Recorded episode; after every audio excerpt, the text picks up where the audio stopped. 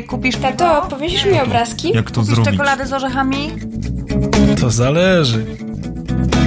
Kto się złym czuje, tego zarzut wzruszy. Cienia się swego boi hipokryta, gdy go wewnętrzne przeświadczenie głuszy. Ubezpieczona w niewinności swojej prawdziwa cnota, krytyk się nie boi. Ignacy Krasicki, Monachom Machia. Czytał Arek Cempura. Tym fragmentem chciałem zapowiedzieć mojego nowego gościa, z którym dzisiaj porozmawiamy o recenzjach, rekomendacjach, opiniach.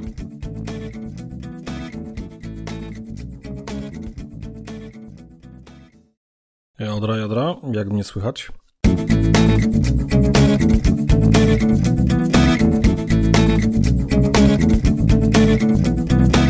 Dzień dobry, dobry wieczór, jak zwykle. Tak mówię, bo nie wiem kiedy tego słuchacie. Witam z Wrocławia Arek. We wstępie trochę może przydługo poleciałem poezją i w ogóle mówiłem o cnocie i o krytykach, a tak naprawdę dzisiaj chciałem się skupić na dosyć istotnym moim zdaniem temacie, recenzjach, rekomendacjach i wszystkim, co jest z tym związane. Zaprosiłem dzisiaj na rozmowę człowieka, który przy takich rzeczach trochę grzebał, nim zszedł na złą stronę biznesową. Moim gościem jest Patryk. Patryk, zapraszam Cię, kilka słów o Tobie, tych prawdziwych albo takich, jakich chcesz, żebyśmy o Tobie wiedzieli. czyli nieprawdziwych. Witam wszystkich. Cóż, tak jak Arek wspomniał, troszkę miałem okazję dłubać nie tylko przy recenzjach, ale także przy wszelkim tekście pisanym. I faktycznie pochłonął mnie biznes i to dosłownie, jakby mówiąc brzydko, pogoń za pieniądzem. No, mnie jestem zafascynowany tym, co chciałbym robić, a dlaczego tego nie robię? No, o tym może troszkę później. No dobrze, a to tak tu trochę enigmatycznie powiedziałeś, że tam coś pisałeś, to nie wiem, co to pisałeś. Pisałeś ulotki reklamowe, czy co to było? Z czego byłeś znany, nim poszedłeś w biznesy? Znaczy, znany to chyba nie byłem, to, to nie mi oceniać, czy byłem znany, czy nie. Natomiast e, najpierw pisałem po zeszycie jako mały chłopiec, później już jako nieco starszy miałem okazję publikować w internetowym magazynie w dzielnicach Wrocławia, z którymi związany byłem przez około 4, 4 lata.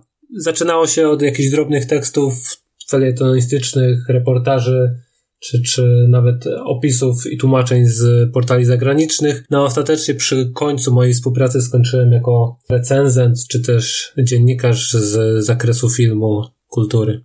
Patryk, czy to nie jest trochę tak, że jak się któregoś dnia ten internet mocno pojawił i tak rozpanoszył po całym świecie, to trochę po pierwsze wpłynął na jakąkolwiek prasę i tą codzienną i taką bardziej specjalistyczną i wszystkiego rodzaju periodyki. I czy przypadkiem też nie pogorszyła się jakość tego wszystkiego? Znaczy wpłynął na pewno, tylko bym tutaj może nie powiedział tyle na, nie tyle na medium, co na sam zawód dziennikarza, bo kiedyś tak naprawdę, żeby zostać dziennikarzem, po pierwsze trzeba było y, chcieć bardzo, mieć to zaparcie i wiedzieć do czego się dąży. No robiłeś jakieś studia, czy jakąkolwiek szkołę, a nawet jeśli nie, no to zaciągałeś się do jakiejś małej redakcyjki u ciebie w mieście, no i starałeś się rozwijać warsztat. Dzisiaj tak naprawdę dobry dziennikarz nie jest potrzebny. Dzisiaj jest potrzebny student, może dziennikarstwa, może niekoniecznie, albo ktokolwiek inny, kto jest w stanie za jakieś no, najniższe pieniądze klepać teksty i to nie takie jak powinien, czy też jakie mu się podobają, czy jakie są zgodne z jego sumieniem, a takie, które tak naprawdę wygenerują odpowiednio dużą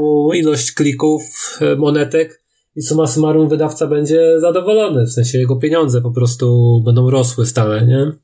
Czyli właściwie parafrazując jeden wielki znany przebój, pisać każdy może. Tak, pisać każdy może, każdy mógł i każdy pewnie będzie mógł, tylko pytanie, czy każdemu się chce i co ważniejsze, czy każdy powinien pisać. Tak, mówi się często, że piłeś nie pisz, to więc jest jakby pierwsza rzecz podstawowa dotycząca wszystkich, którzy chcą pisać. Ale poczekaj, w kwestii teraz tej jakości. Ja mam wrażenie czasami, jak przeglądam te portale, to mam wrażenie, że jest taki jakby jeden, dwa portale, które faktycznie mają kogoś, na razie nazwijmy go dziennikarzem piszącego, a cała reszta jest nastawiona na to, żeby to w miarę szybko, sprawnie skopiować, czasami przeredagować, żeby nie można było wskazać źródła, Czasami się wskazuje dla przyzwoitości źródło i to jest jakaś jeszcze taka stara szkoła i stara etyka, a reszta to tak po prostu bierze i pff, rozpowszechnia. Znaczy, to znaczy wielu dziennikarzy i nawet nie zdajesz sobie z tego sprawy, bo patrząc na to, co się dzieje, zwłaszcza w social mediach, to wchodząc na takiego Facebooka, czytając wpisy, nie wiem, pod Onetem, pod, pod Newsweekiem, to mamy jakiegoś redaktora, teraz już nawet niekoniecznie wymienionego z imienia i nazwiska, może to być po prostu pseudonim, czy, czy jakikolwiek inicjał, czy nawet enigmatyczny podpis redakcja, może być fanklub, cokolwiek, byle tylko jakby odebrać temu tekstowi taką indywidualność, ale mnóstwo dziennikarzy, a przynajmniej takich dziennikarzy w stylu wannabe, jest w komentarzach, gdzie przewalają się najróżniejsze opinie, wnioski, czy też e, jest wiele mądrości. Kto tak naprawdę dzisiaj jest dziennikarzem? Osoba, która potrafi wejść na portal anglojęzyczny i przetłumaczyć tekst o tym, że no na przykład nowy film wchodzi do kin, czy nawet zadać sobie tą odrobinę trudu, żeby przekopiować notatkę dostarczoną przez, na, na maila przez dystrybutora, czy też e, dziennikarzem jest ktoś, kto zrobi dokładnie to samo, tylko wyrazi się w mniej ładny sposób i w medium, które jest powszechnie dostępne, nie, nie, nie dostanie za to wynagrodzenia, nawet tego najniższego.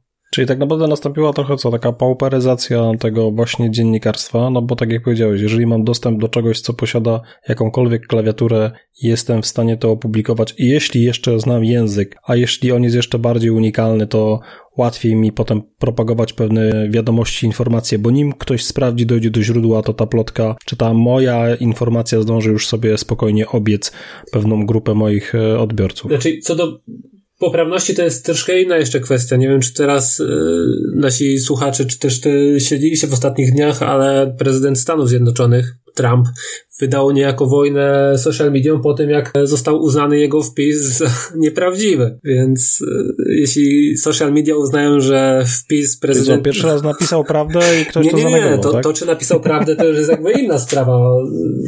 Nie napisał tej prawdy, tylko prawda jest też kwestią obiektywną, bo Facebook czy, czy Twitter mówią nam, jak mamy myśleć, Newsweek czy, czy, czy do rzeczy też nam mówią, jak mamy myśleć. I oczywiście dla mnie jedna strona będzie prawdziwa, dla drugiej osoby druga strona będzie prawdziwa, a i tak wszyscy będziemy w tym najmądrzejsi.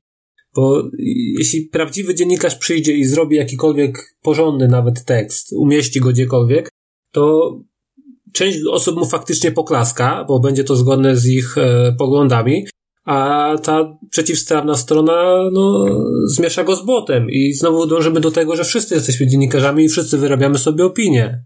Pytanie, kto jest na przykład bardziej dziennikarzem? Pani, która ma blog i która jest, e, no blog, może inaczej, konto na Instagramie, w którym wrzuca fotki z jakimś podpisem na zdanie dwa, jest wielką influencerką. I, Ona jest fotoreporterem. Tak, tak. I, do, I tym samym jakby ma miliony followersów, którzy wierzą ślepo w to, co ona napisze. Jeśli napisze w tym momencie, że Trump mówi prawdę, to to już nie ma znaczenia, że jakiś dziennikarz, e, nie wiem, przykładowo z Nowego Jorku, siedział nad tym tematem przez 4 czy 5 miesięcy, napisał rzetelny artykuł, wydał go, jeśli mu się oczywiście udało, po czym ten artykuł albo został pominięty przez większość e, odbiorców, bo w ogóle nie został do nich e, stargetowany przez media, social media, no albo został zapomniany po prostu w całym tym zalewie chłamu, który dzisiaj się, się wtacza do internetu i do, do świadomości. To jakby jeszcze tutaj kończąc te dywagacje takie prasowe, no to powiedziałeś, że udało się na przykład dziennikarzowi opublikować. To mamy to jednak też taką jakby przeciwwagę, no bo dzisiaj przez to, że masz dostęp do internetu, masz możliwość stworzenia swojego konta social media, czy nawet stworzenia swojego bloga, masz szansę opublikowania pewnych rzeczy, których być może ktoś by ci nie opublikował, bo może jakaś prasa jest w rękach jednego, druga prasa jest w rękach drugiego, coś nie pasuje komuś, zawsze się znajdzie ktoś, kogo dotyka być może pewien artykuł, szczególnie jeżeli on opisuje rzeczywistość. No i tak naprawdę dało to też szansę ludziom na to, że mogą się wyrazić, więc jakby wydawało się też, że to będzie pewnego rodzaju wolność, ten internet, no bo tak naprawdę każdy będzie mógł opublikować, jeżeli do tego jeszcze odpowiednio to uargumentuje i zapewni do tego faktografię, no to jest szansa, że właściwie każdy będzie mógł to przeczytać. Tym bardziej, że jeszcze zaletą tego jest, że taka gazeta potem, ta internetowa nie ginie, no bo ona raczej nie wpada gdzieś tam potem do kosza albo nie leży na boku, więc powiedzmy, że jednak prawdą nadal jest, że internet nie zapomina, czyli można zawsze znaleźć takie informacje, do nich dotrzeć. Troszkę tak, tylko z tymi faktami i tworzeniem jakiegoś takiego wartościowego kontentu do, do internetu, zwłaszcza jeśli jesteś początkujący, to tutaj bym troszkę uważał. Da się odejść od tego i tutaj dobrym przykładem jest Wojtek Mann, który opuścił trójkę, poszedł na social media, na głęboką wodę, na Facebooka tutaj konkretnie i robi sobie takie mini e, odcinki, nie wiem, o stołku, w którym e, komentuje pewne zagrywki polityczne. No i oczywiście da się to zrobić, tylko teraz jakby zaczynając jakimś projektem, zaczynając nawet z podcastem, czy, czy z własnym blogiem, stroną, z czymkolwiek, co jest związane w jakikolwiek sposób z wyrażaniem własnej opinii, z kulturą, musisz liczyć się z tym, że albo inwestujesz naprawdę potężne środki, żeby zdobyć ten zasięg, albo jesteś na tyle kontrowersyjny, żeby zdobyć ten zasięg. Bo jeśli chciałbyś po prostu być sobą, to niekoniecznie będzie ci to dane. Czyli muszę wybrać swoją rolę, którą chcę tam pełnić, tak? Albo mam e, pieniądze, ciężka praca i okazuje się, że może któregoś dnia będę rozpoznawalny, słuchalny i znany, albo idę na hejt idę w ogóle na starcie i jest szansa, że wtedy też ludzie mnie zobaczą. Tak, dokładnie. Przy czym w tym drugim przypadku jesteś jakby jedną z tych owiec, które podążają tym stadem, tym jakby trybem, który teraz obowiązuje. Natomiast wracając Ale może do... ja w tym stadzie jestem wilkiem, no. Nie, w tym stadzie wilkiem są ci, którzy jakby zbierają owoce z tego wszystkiego, którzy tak naprawdę wyciągają realne korzyści. Wilkiem może być youtuber, który robi z siebie, no pośmiewisko to dużo powiedziane, ale powiedzmy ładnie wpasowuje się w oczekiwania swoich widzów i zarabia na tym miliony. Przy czym jest dziennikarz, który robi naprawdę rzetelną robotę i zarabia na tym tysiąc, e, dwa tysiące netto na umowę o zlecenie, nie? Bo akurat mu wpadł jakiś kontrakt na, na, na reportaż. No tak, trochę się tutaj wszystko przewróciło, to jeszcze wracając do tematów YouTube'owych, te całe patostreamy, które w ogóle moim zdaniem z definicji powinny być zamykane przez, przez YouTube'a i pewnie one są jakoś zamykane, ale i ci ludzie też pewnie nie wyrabiają, czy te algorytmy nie wyrabiają, żeby odpowiednio szybko zamykać tego rodzaju kanały, bo uważam, że jednak pewien element stania na straży naszego zdrowia psychicznego i tego, w którym kierunku podążamy jako to stado owiec, no gdzieś spoczywał właśnie chyba w rękach możnych e, tego świata, tych władców tej informacji. No tak, ale zamykać to rezygnować z klików. To też jest jakby, jakby nie zamkniesz, nie, nie zarżniesz kury, która znosi złote jajka. Co, może włożysz ją pod dywan, schowasz ją, nie wiem, za, za kanapą, jak przyjdą y, sąsiedzi tacy porządniejsi, ale w momencie, gdy będziesz chciał te jajka, no to musisz ją tam trochę, wiesz, wypromować. No tak, brutalizacja totalna. Słuchaj, to tak, wiemy, że to już od dzieciństwa cię ciągnęło do tego pisania, tam chodziłeś i mazałeś po tych zeszytach, ale właściwie po co ci to? Po co, po co mi dziennikarstwo? No. Myślę, że to troszkę się wiąże z tym, o czym teraz rozmawialiśmy, o tym takim Czy jesteś z takiego pokolenia, które, nie wiem, ma, masz jakiś guru dziennikarzy, no bo za moich czasów to jednak dziennikarz to była faktycznie to, co powiedziałeś, szycha. Właściwie dla ciebie to, to dziennikarstwo teoretycznie stało się takie łatwiejsze. Co, co cię takiego w tym pociągnęło, że no jednak masz jakąś misję? Pamiętam takie sytuacje z dzieciństwa, gdzie każdy tam chciał kimś zostać, oczywiście, nie wiem, żołnierzem, strażakiem. Taka oklepana troszkę historia, właśnie jak z amerykańskich filmów. I na jakieś urodziny, czy, czy z innej okazji otrzymałem książkę o Pokémonach. No, literacko-językowo to po prostu dno dna. Natomiast e, dla małego dziecka lektura przystępna, przygoda, tak dalej. I tak sobie pomyślałem, że jeśli ktoś potrafi napisać książkę, no to myślę, że każdy potrafi napisać tę książkę i sam postanowiłem ją napisać. Zacząłem w zeszycie pisać jakieś tam przygody, rysować do tego rysunki. E, summa summarum e, okres e, dojrzewania wybił mi to szybko z głowy. Natomiast gdzieś przy okazji interesowania się taką prasą, wróciło to do mnie i wróciło za sprawą dziennikarza amerykańskiego, już niestety świętej pamięci, od kilkunastu dobrych lat, Huntera Thompsona. Większość pewnie kojarzy go z adaptacji filmowych, tutaj konkretnie Las Vegas Parano i, i, i motyw narkotyków, który wybija się na pierwszy plan. Natomiast e, Hunter nie tylko pisał o narkotykach i też nie tylko pisał pod wpływem narkotyków, bo fakt faktem jest taki, że książka, na, której, na podstawie której powstał film Fear and Loathing in Las Vegas, nie powstała pod wpływem narkotyków, a była dobrze zaplanowana i, i została spisana już po przygodach, które dotykał. E, był bardzo dobrym dziennikarzem, e, dziennikarzem sportowym, dziennikarzem opisującym ówczesne e, realia polityczne czy zachodzące zmiany w Stanach i jednocześnie był dziennikarzem z takim zaparciem wewnętrznym, który działał tak jak chciał, to znaczy nie podlegał narzucanym mu ramom. Nawet w pewnym momencie, gdy próbowano go zapisać, zakwalifikować do nurtu nowego dziennikarstwa, to on po części się od tego odgradzał, nie chciał być e, klasyfikowany, łączony z swoimi kolegami po fachu, pomimo, że wielu z nich było jego dobrymi przyjaciółmi. Natomiast do czego zmierzam? Wtedy, jak i teraz, e, miałem wrażenie takie, że dziennikarz to jest osoba, która ma misję, niezależnie od tego, w jaki sposób wypowiada się, w jaki sposób oświadcza światu swoje mądrości wszelakie, to stara się ratować i stara się może pomagać, kierować.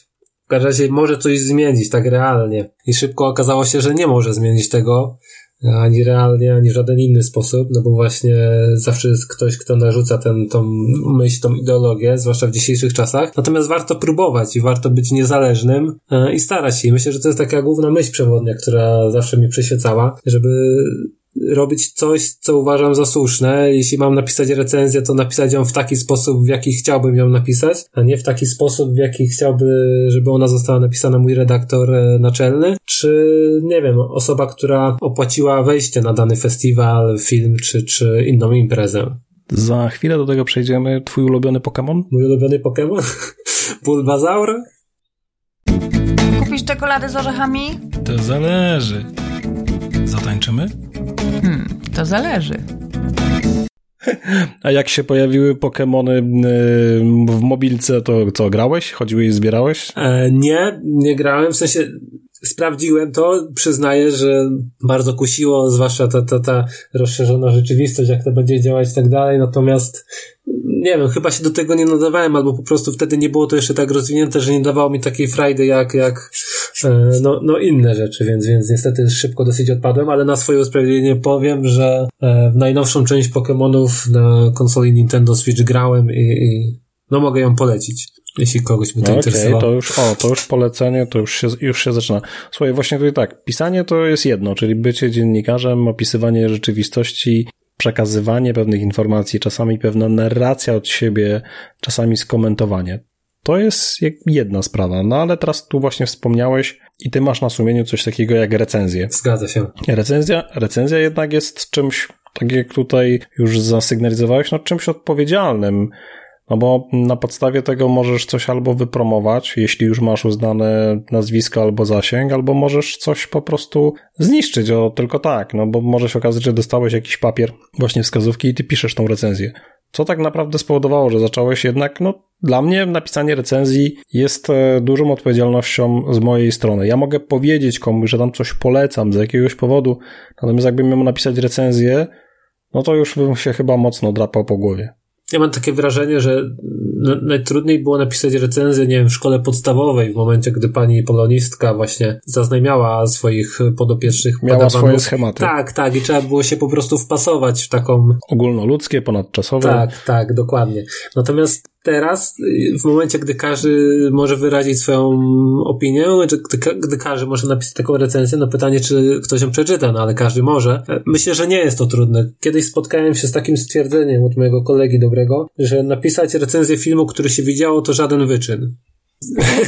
No, brzmi to absurdalnie, natomiast znam wiele. Czy napisać recenzję filmu, który jeszcze nie powstał? O. Znam wiele przypadków, że recenzje były gotowe przed premierą filmu, albo były gotowe pomimo tego, że recenzent filmu nie widział, bo niektóre rzeczy są przewidywalne. Nie wiem, weźmy. Bo go nie zaprosili. Weźmy piątych Transformersów no, film no, może nie taki nowy, ale cokolwiek o nich by nie napisać, to będzie zła recenzja. Nawet jeśli, nie wiem, jeśli dobrze pamiętam, Antony Hopkins tam wystąpił, który jest aktorem cenionym w niektórych kręgach, no to sam Hopkins nie uratuje filmu i nie uratuje faktu, że jakby... No, mój sen twierdzi, że właściwie od drugich to potem już tylko jest staczanie się i tak naprawdę element widowiskowości jest zachowany w tym filmie często bez logiki, bez składu, bez niczego. Także wydaje mi się, że to, co mówisz, okej, okay, dobra, no ale to jest też takie, no, ktoś nie widział piątki i na podstawie tylko doświadczeń z poprzednich już napisze, że to jest zły film. Tak, ale ja ci powiem dlaczego. Ja ci mogę napisać dwie recenzje i to w minutę, bo bierzemy... Ale nie oglądałeś, no, czekaj, czekaj, idziemy, idziemy, idziemy w stronę, że nie oglądałeś piątki i piszesz o niej recenzję, tak? Tak, tak. I jakby zdaję Dobra, sobie sprawę dawaj. z tego, że były cztery poprzednie części. Piąta jest zrobiona przez tego samego reżysera, czyli tutaj przez e, Beja, jeśli dobrze pamiętam. I teraz tak, no, reżyser jest kojarzony z filmem e, akcji, z kinem akcji, takie e, kino naprawdę nastawione na wybuchy, na pościgi, na, no nazwijmy to wprost bezsensowną fabułę. I można jakby łatwo wywnioskować, że jeśli cztery poprzednie części były kropka w kropkę identyczne, nie licząc tam delikatnych niuansów fabularnych, to piątka też taka będzie. Oczywiście to jest duże uproszczenie, ale no w wielu przypadkach, w wielu aspektach się sprawdza. I teraz tak, do kogo piszesz tą recenzję? No bo jeśli piszesz tą recenzję i chciałbyś napisać ją jako, powiedziałbym, filmoznawca, czyli docenić tam, nie wiem, pracę kamery, pracę reżysera, grę aktorską, muzykę, tak dalej, tak dalej, no to suma summarum najprawdopodobniej twoja recenzja będzie zjeżdżała w dół i napiszesz, że film był kiepski. No bo był kiepski i, i cześć. Natomiast w drugą stronę, kiepski film, a jednak zarobił miliony. Dlaczego? No bo idąc do kina, przeciętny zjadacz chleba nie patrzy na to, jak zagrał jeden z drugim aktorem, albo czy e, ujęcie kamery było takie czy owakie. Patrzy na to, czy dobrze się bawi. I między innymi polski towar eksportowy w dziedzinie kinematografii, Patryk Wega, tak dobrze się sprzedaje, no bo on robi filmy, które się podobają gawiedzi, a niekoniecznie recenzentom. Natomiast prawda jest taka, że recenzent nawet nie zapłaci za bilet, bo dostanie go najprawdopodobniej za darmo, w sensie w ramach umowy z kinem czy, czy, czy z dystrybutorem, no a widzowie zapłacą. No dobra, to teraz powiedziałeś jakby jeden przykład, że na podstawie pewnej przeszłości dokonujesz wnioskowania o przyszłości. Tutaj jest przykład akurat Transformersów. No i zakładając, że nie zmienił się reżyser, niewielkie zmiany w obsadzie, znana cała historia, więc jakby wszyscy wiemy, że to się mniej więcej będzie toczyło wokół jakiegoś tam konkretnego wątku. Vega Okej, okay, drugi taki człowiek, który właściwie przerysowuje mocno swoje firmy, ale właściwie robi koło nich znacznie więcej szumu po to, żeby właśnie wszystkich ściągnąć. Zdarzyło mi się oglądać filmy Wegi. Estetyka mnie trochę w nich odstrasza, natomiast no, tam ma jednak dosyć te wątki takie są w miarę prawdziwe, realne, więc to też jest znowu dla mnie tego typu twórca, którego nie akceptuje ze względu na tą pewnego rodzaju artystyczną wizję tego całego przedsięwzięcia. No dobra, ale co w przypadku, kiedy nie masz takiego komfortu jak z Transformersami i piszesz recenzję w ciemno, kiedy coś się pojawia? Tak naprawdę nie wiesz, ale tylko patrzysz na obsadę, na reżysera i wtedy też domniemywasz, też jesteś z dużym prawdopodobieństwem powiedzieć, że to będzie, nie wiem, dobre albo słabe? Znaczy, wiesz, zacznijmy od tego, że raczej nie należy tak robić.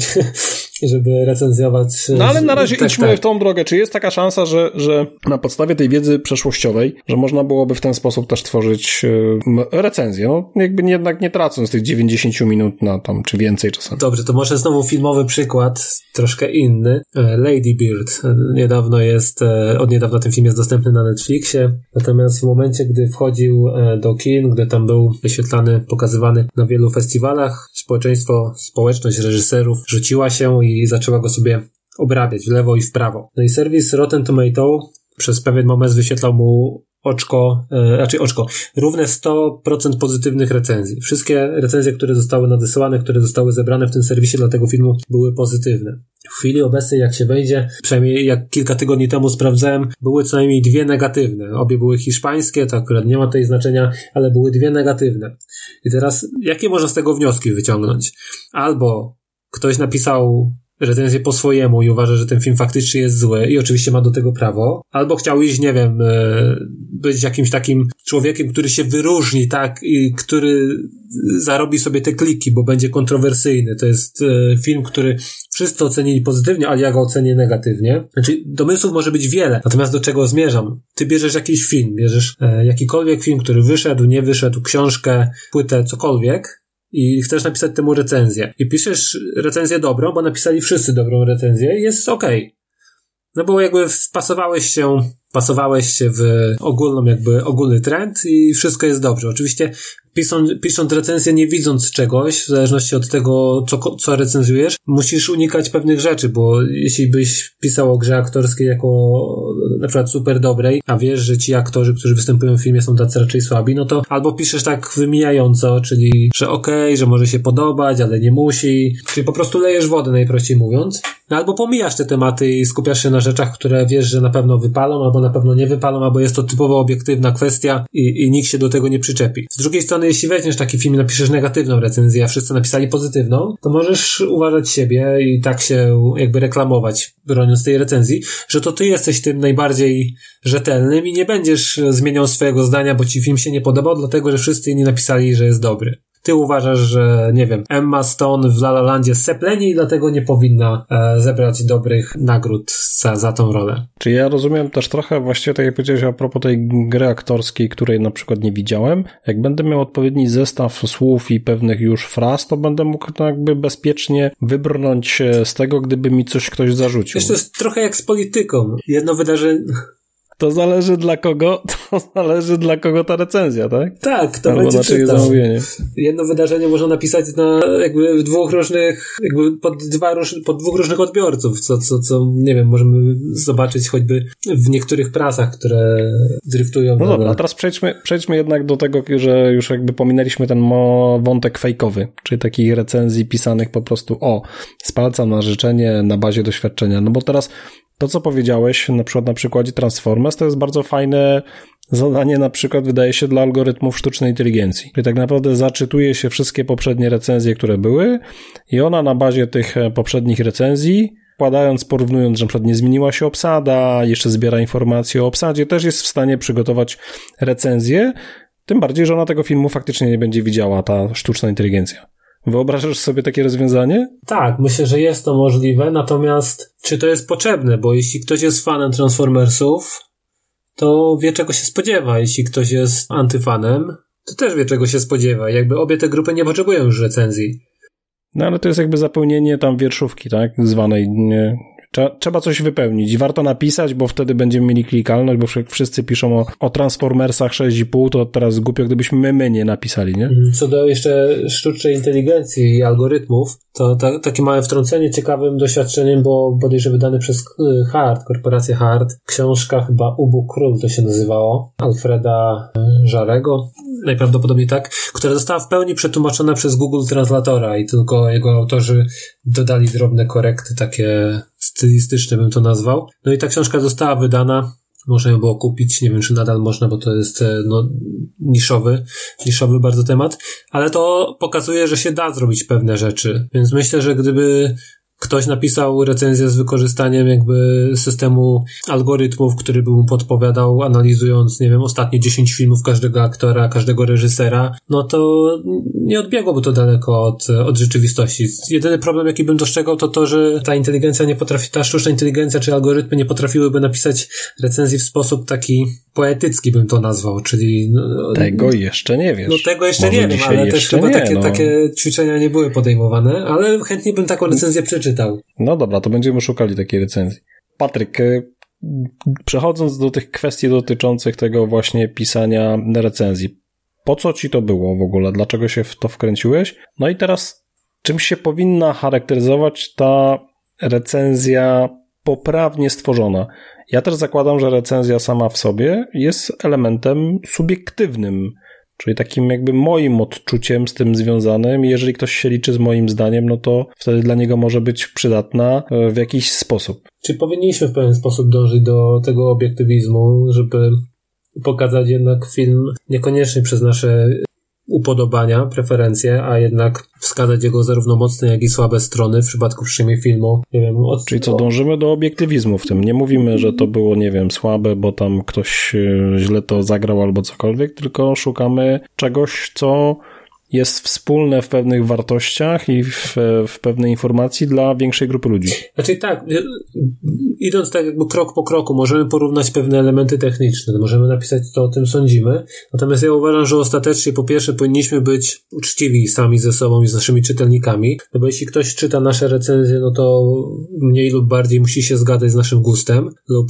po prostu wie, czego się spodziewać, bo jeśli raz nie lubię filmów akcji, a drugi raz będę je zachwalał, no to coś tu jest podejrzanego, no chyba, że dobrze tu argumentuję, więc w mojej ocenie wymieniamy poszczególne elementy, opisujemy je, analizujemy, czy też po prostu przedstawiamy, jak tutaj kto woli. No i w podsumowaniu możemy napisać, że dobrze, ten film y, przypadnie do gustu takiej a takiej osobie, że jeśli ktoś lubi poprzednie części, no to Transformers 5 na pewno mu się spodoba. Mi się nie spodobał, no bo nie tyle, że nie lubię poprzednich części, co nie lubię kina akcji, które jest bezmózgie i opiera się tylko i wyłącznie na wybuchach i pościgach, ale no Dobry wybuch nie jest zły, no. tak, nie, no oczywiście, to wiesz, to dlaczego by nie? No dobra, czyli jednak skupiamy się na tym, że ta recenzja jednak powinna być jakaś obiektywna, ale tą recenzję w końcu piszę ja. Ona powinna dążyć do obiektywności w jakimś tam stopniu, natomiast no, nie oszukujmy się, nie jesteśmy w stanie napisać obiektywnego tekstu, no, bo jest to niezwykle trudne, zwłaszcza dla kogoś, kto, kto no, nie ma w tym dużego doświadczenia. Ja osobiście nigdy nie próbowałem być jakoś szczególnie obiektywny, Natomiast starałem się, żeby ten obiektywizm był w jakiejś części zawarty w tym, żeby to nie było tylko, że okej, okay, mi się nie podoba, więc nikomu się nie spodoba, tylko potrafiłem też dostrzec tą drugą stronę, która no może coś z tego wyciągnie, może mu się, może jej tej drugiej stronie się spodoba ten film akurat, nie? Miałeś kiedyś zastrzeżenia do jakiejś e, recenzji, która wyszła spod twoich e, palców? Kiedyś by się powiedziało spod twojego pióra zastrzeżenia, czy, czy nie czułem się ok z tym, co napisałem? Zastrzeżenia, czy... nie, że nie, to jakby ja zakładam, że ty się czułeś ok z tym, co napisałeś, ale czy ktoś miał potem zastrzeżenia do tego, co przeczytał? Przytoczę tu może pewną historię, bo ona jakby najlepiej pokazuje to, co się stało taki festiwal w Państwowej Wyższej Szkole Teatralnej odbywa się Metaformy. Teraz ta uczelnia chyba zmieniła nazwę na Akademię Sztuk Teatralnych, czy coś takiego, AST w każdym razie. I na jedną z tych metaform byłem zaproszony na całe to wydarzenie z właśnie dzielnic Wrocławia jako dziennikarz. Miałem tam napisać jakieś teksty sprawdzające i tak dalej, ale też pisałem między innymi kilka recenzji e, spektakli, które w tym momencie się tam odbywały. I pamiętam, że jeden z pierwszych tekstów rozpocząłem, że miałem tam niezwykle złe odczucia że zostałem e, źle potraktowany, że taki ścisk był, że ludzie przeskakiwali z nogi na nogę, próbując się wychylić, żeby cokolwiek zobaczyć. I podsumowałem to już na samym wstępie, że e, spektakl był całkiem fajny, przynajmniej w tym, e, w tej części, w której udało mi się go zobaczyć, ale tak, tak fatalnej organizacji to ja dawno nie widziałem, jeśli w ogóle kiedykolwiek spotkałem się z tak fatalną organizacją. Już nie mówiąc o tym, że zostałem potraktowany na początku jak student, bo, bo nie mogłem się dopchać do osoby, która była odpowiedzialna za, za, za tej akredytacje dziennikarskie. Summa summarum e, recenzja została opublikowana, mój redaktor naczelny stwierdził, że przeczytał, że zobaczył, że jest dosyć, e, no, wprost. Jednak tak, subiektywne. Tak, jest dosyć wprost napisane. No ale mimo wszystko zdecydował się, że nie będzie tutaj żadnych cięć, e, że nie będziemy ograniczać się i wiem później z opowieści, że dostał telefon w tej sprawie, że współpraca niestety się kończy na pewien czas, i że oni sobie tego nie życzą i że to ma zostać ściągnięte. Czyli narozrabiałeś. E, no tak, no wiesz. E, niestety bardzo nieładnie napisałem o tej ich organizacji i o samej imprezie, pomimo, że zachwaliłem sztukę, no to jakby dla nich to było e, czymś drugorzędnym w tym przypadku. No chcieli, żeby zmienić to, jednak wykreślić tę organizację, zostawić samą recenzję spektaklu, nie? Ja jednak uważałem, że spektakl to jedno, natomiast nie chciałbym oglądać filmu w kinie, w którym, nie wiem, śmierdzi wódką lub ktoś obok zachowuje się jakoś nagannie, więc jeśli takie sytuacje wynikają z winy organizatorów, a nie po prostu gawiedzi, no to uważam, że oni powinni coś z tym zrobić i warto im to zaznaczyć, a jako, że recenzja wydawała się dobrym miejscem na zaznaczenie im tego, no to też tak zrobiłem. To zależy. Zależy od punktu patrzenia, a może widzenia. No dobra, a teraz kwestia, czy dla ciebie jest jakaś różnica, bo często jest używane to zamiennie pomiędzy właśnie recenzją a rekomendacją nie wiem, czy posługiwałbym się w ogóle słowem recenzja i rekomendacja jakkolwiek, bo, bo każdy, każdy piszący, recenzent czy, czy osoba, która wydaje rekomendacje, wybiera sobie sam, sama jakby słowo czy, czy, czy sformułowanie, którym określi to, co pod siebie wyrzuca. No rekomendacja to powinno być w, w jednym, dwóch zdaniach, nie wiem, redakcja rekomenduje coś. Dlaczego i, i, i cześć. Natomiast recenzja powinna być taka bardziej złożona, która porusza jednak więcej aspektów e, danego, danego produktu. Nie wiem, rekomendujemy zegarek, bo, bo ma dobry czas na baterii, bo się sprawdził u nas w testach na e, redakcji. Natomiast recenzja no już porusza wszystkie elementy tego zegarka. A jak się jeszcze do tego układu całego ma opinia? Dobrze, może zaznaczę, że nie jest jakimś specjalistą odnośnie do form dziennikarskich, bo zaraz mnie tutaj chyba przemagulujesz przez, przez wszystko, byliśmy do reportażu nie doszli, bo, bo to odłóżmy na jakąś inną rozmowę, także tutaj na razie jesteśmy... Nie, dlatego pytam, bo tak naprawdę jak przygotowując się trochę do, do tego, no jakby wypisałem sobie pewne mhm. rzeczy, tak? Poszukałem, czym jest rekomendacja, czym jest recenzja i to, co fajnie podkreśliłeś, tak? Recenzja jest jednak takim głębszym opracowaniem, elementem analizy, które wskazuje wiele aspektów i być może właśnie w przypadku teatru, jeżeli jesteś zaproszony do teatru na przedstawienie, no to jakby całego otoczenia, które dzieje się wokół. Natomiast ta rekomendacja często jest podkreślana, że to jest jakby z reguły coś, co jest pochlebne, czyli ona jakby z definicji jest pozytywna, bo ty rekomendujesz coś, żeby ktoś z czegoś skorzystał i różne za tym stoją mechanizmy, bo być może ktoś ci zapłacił za tą rekomendację mm, wprost. No i teraz jeszcze kwestia jest jakby, kiedy chcesz się czuć bezpiecznie, czy nie lepiej zrobić, że wyrażasz opinię. No i dla mnie opinia jest takim elementem subiektywnym. Najbardziej I tutaj chyba, przy tak? opinii już trudno e, pójść w obiektywizm. No dobrze, ale wiesz, ja się z tobą zgodzę, że opinia to jest coś bardzo personalnego, bardzo osobistego. Jednak w momencie, gdy wyrażamy jakąś opinię, no to czytelnik powinien oczekiwać, że, że będzie to nasze wewnętrzne i nie, nie znajdzie tam e, za bardzo tego obiektywizmu. Z drugiej strony, tak jak rozmawialiśmy na początku, mamy takie czasy, że każdy może.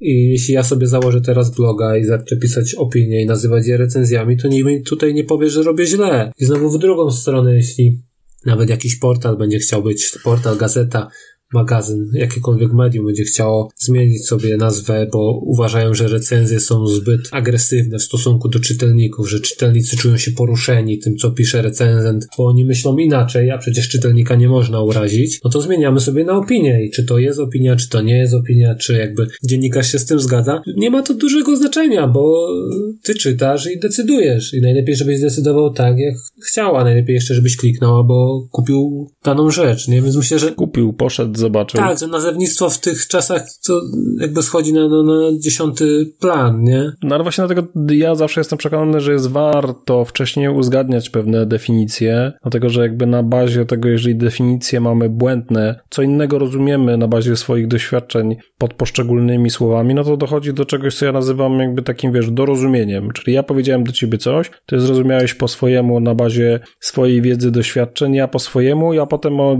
jesteśmy zdziwieni, że efekt tego wyszedł w ogóle jakiś inny, kwadratowy, tak? A właściwie to chcieliśmy kółko i tyle. No dobrze, no. ale zdziwiony to może być twój jakby pracodawca, twój zleceniodawca, czy twój szef po prostu, że się jakby rozminęły wasze wizje tego, co miało powstać. I to jest duże... Dlatego warto mieć jakby zdefiniowane, tak? Czy piszę recenzję, czy tworzę opinię, czy to ma być rekomendacja, bo po prostu ktoś tego od nas oczekuje. Tak, oczywiście, że tak. Natomiast no mówię, to jest jakby już specyfika jakiejś pracy zadaniowej, gdzieś ty musisz coś wykonać na zlecenie, nie tyle od siebie. A pozostając w takim jakby podwórku self-publishingu, czy, czy, czy pisania komentarza na Facebooku, Twitterze, to tu nomenklatura, czy, czy określanie, czy jakiekolwiek zasady dziennikarstwa schodzą na, na dziesiąty plan, tak jak wspomniałem. Patryk, pomału e, dochodzimy do lądowania. Teraz ja mam jeszcze takie mm, trzy pytania do, do, do ciebie. Pierwsze takie bardzo pozytywne. Co jest najlepsze w byciu recenzentem? co jest najlepsze w byciu recenzentem.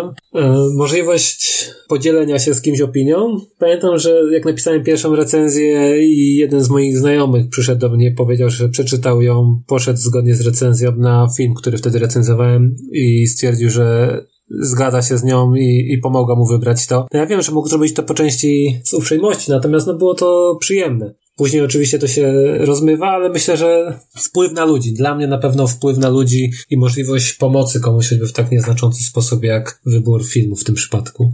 No dobra, a teraz po drugiej stronie co jest najgorsze? Co jest najgorsze?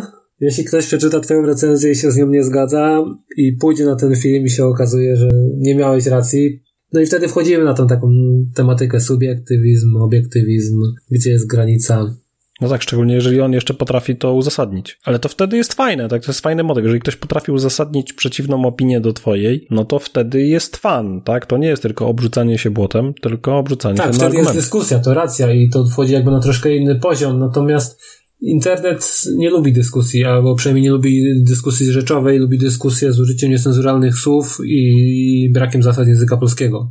I wtedy pada hasło lecę po popcorn i siadam i czekam na resztę Albo komentarzy. wyłączasz tak? komentarze i stwierdzasz, że jakby osoby, które komentują pod tym są no, nie, nie uważasz, żeby miały cokolwiek wartościowego do przekazania. Tylko no to jest też kwestia podejścia, jakie byś chciał, nie? Bo niektórzy lubią, jak się ich komenturze, komentuje, a niektórzy, no, nie lubią tego, nie są na to zmuszeni i może to prowadzić do smutnych skutków, jak na przykład ostatnie, nie wiem, samobójstwo tej e, japońskiej e, aktorki z programu Netflixa.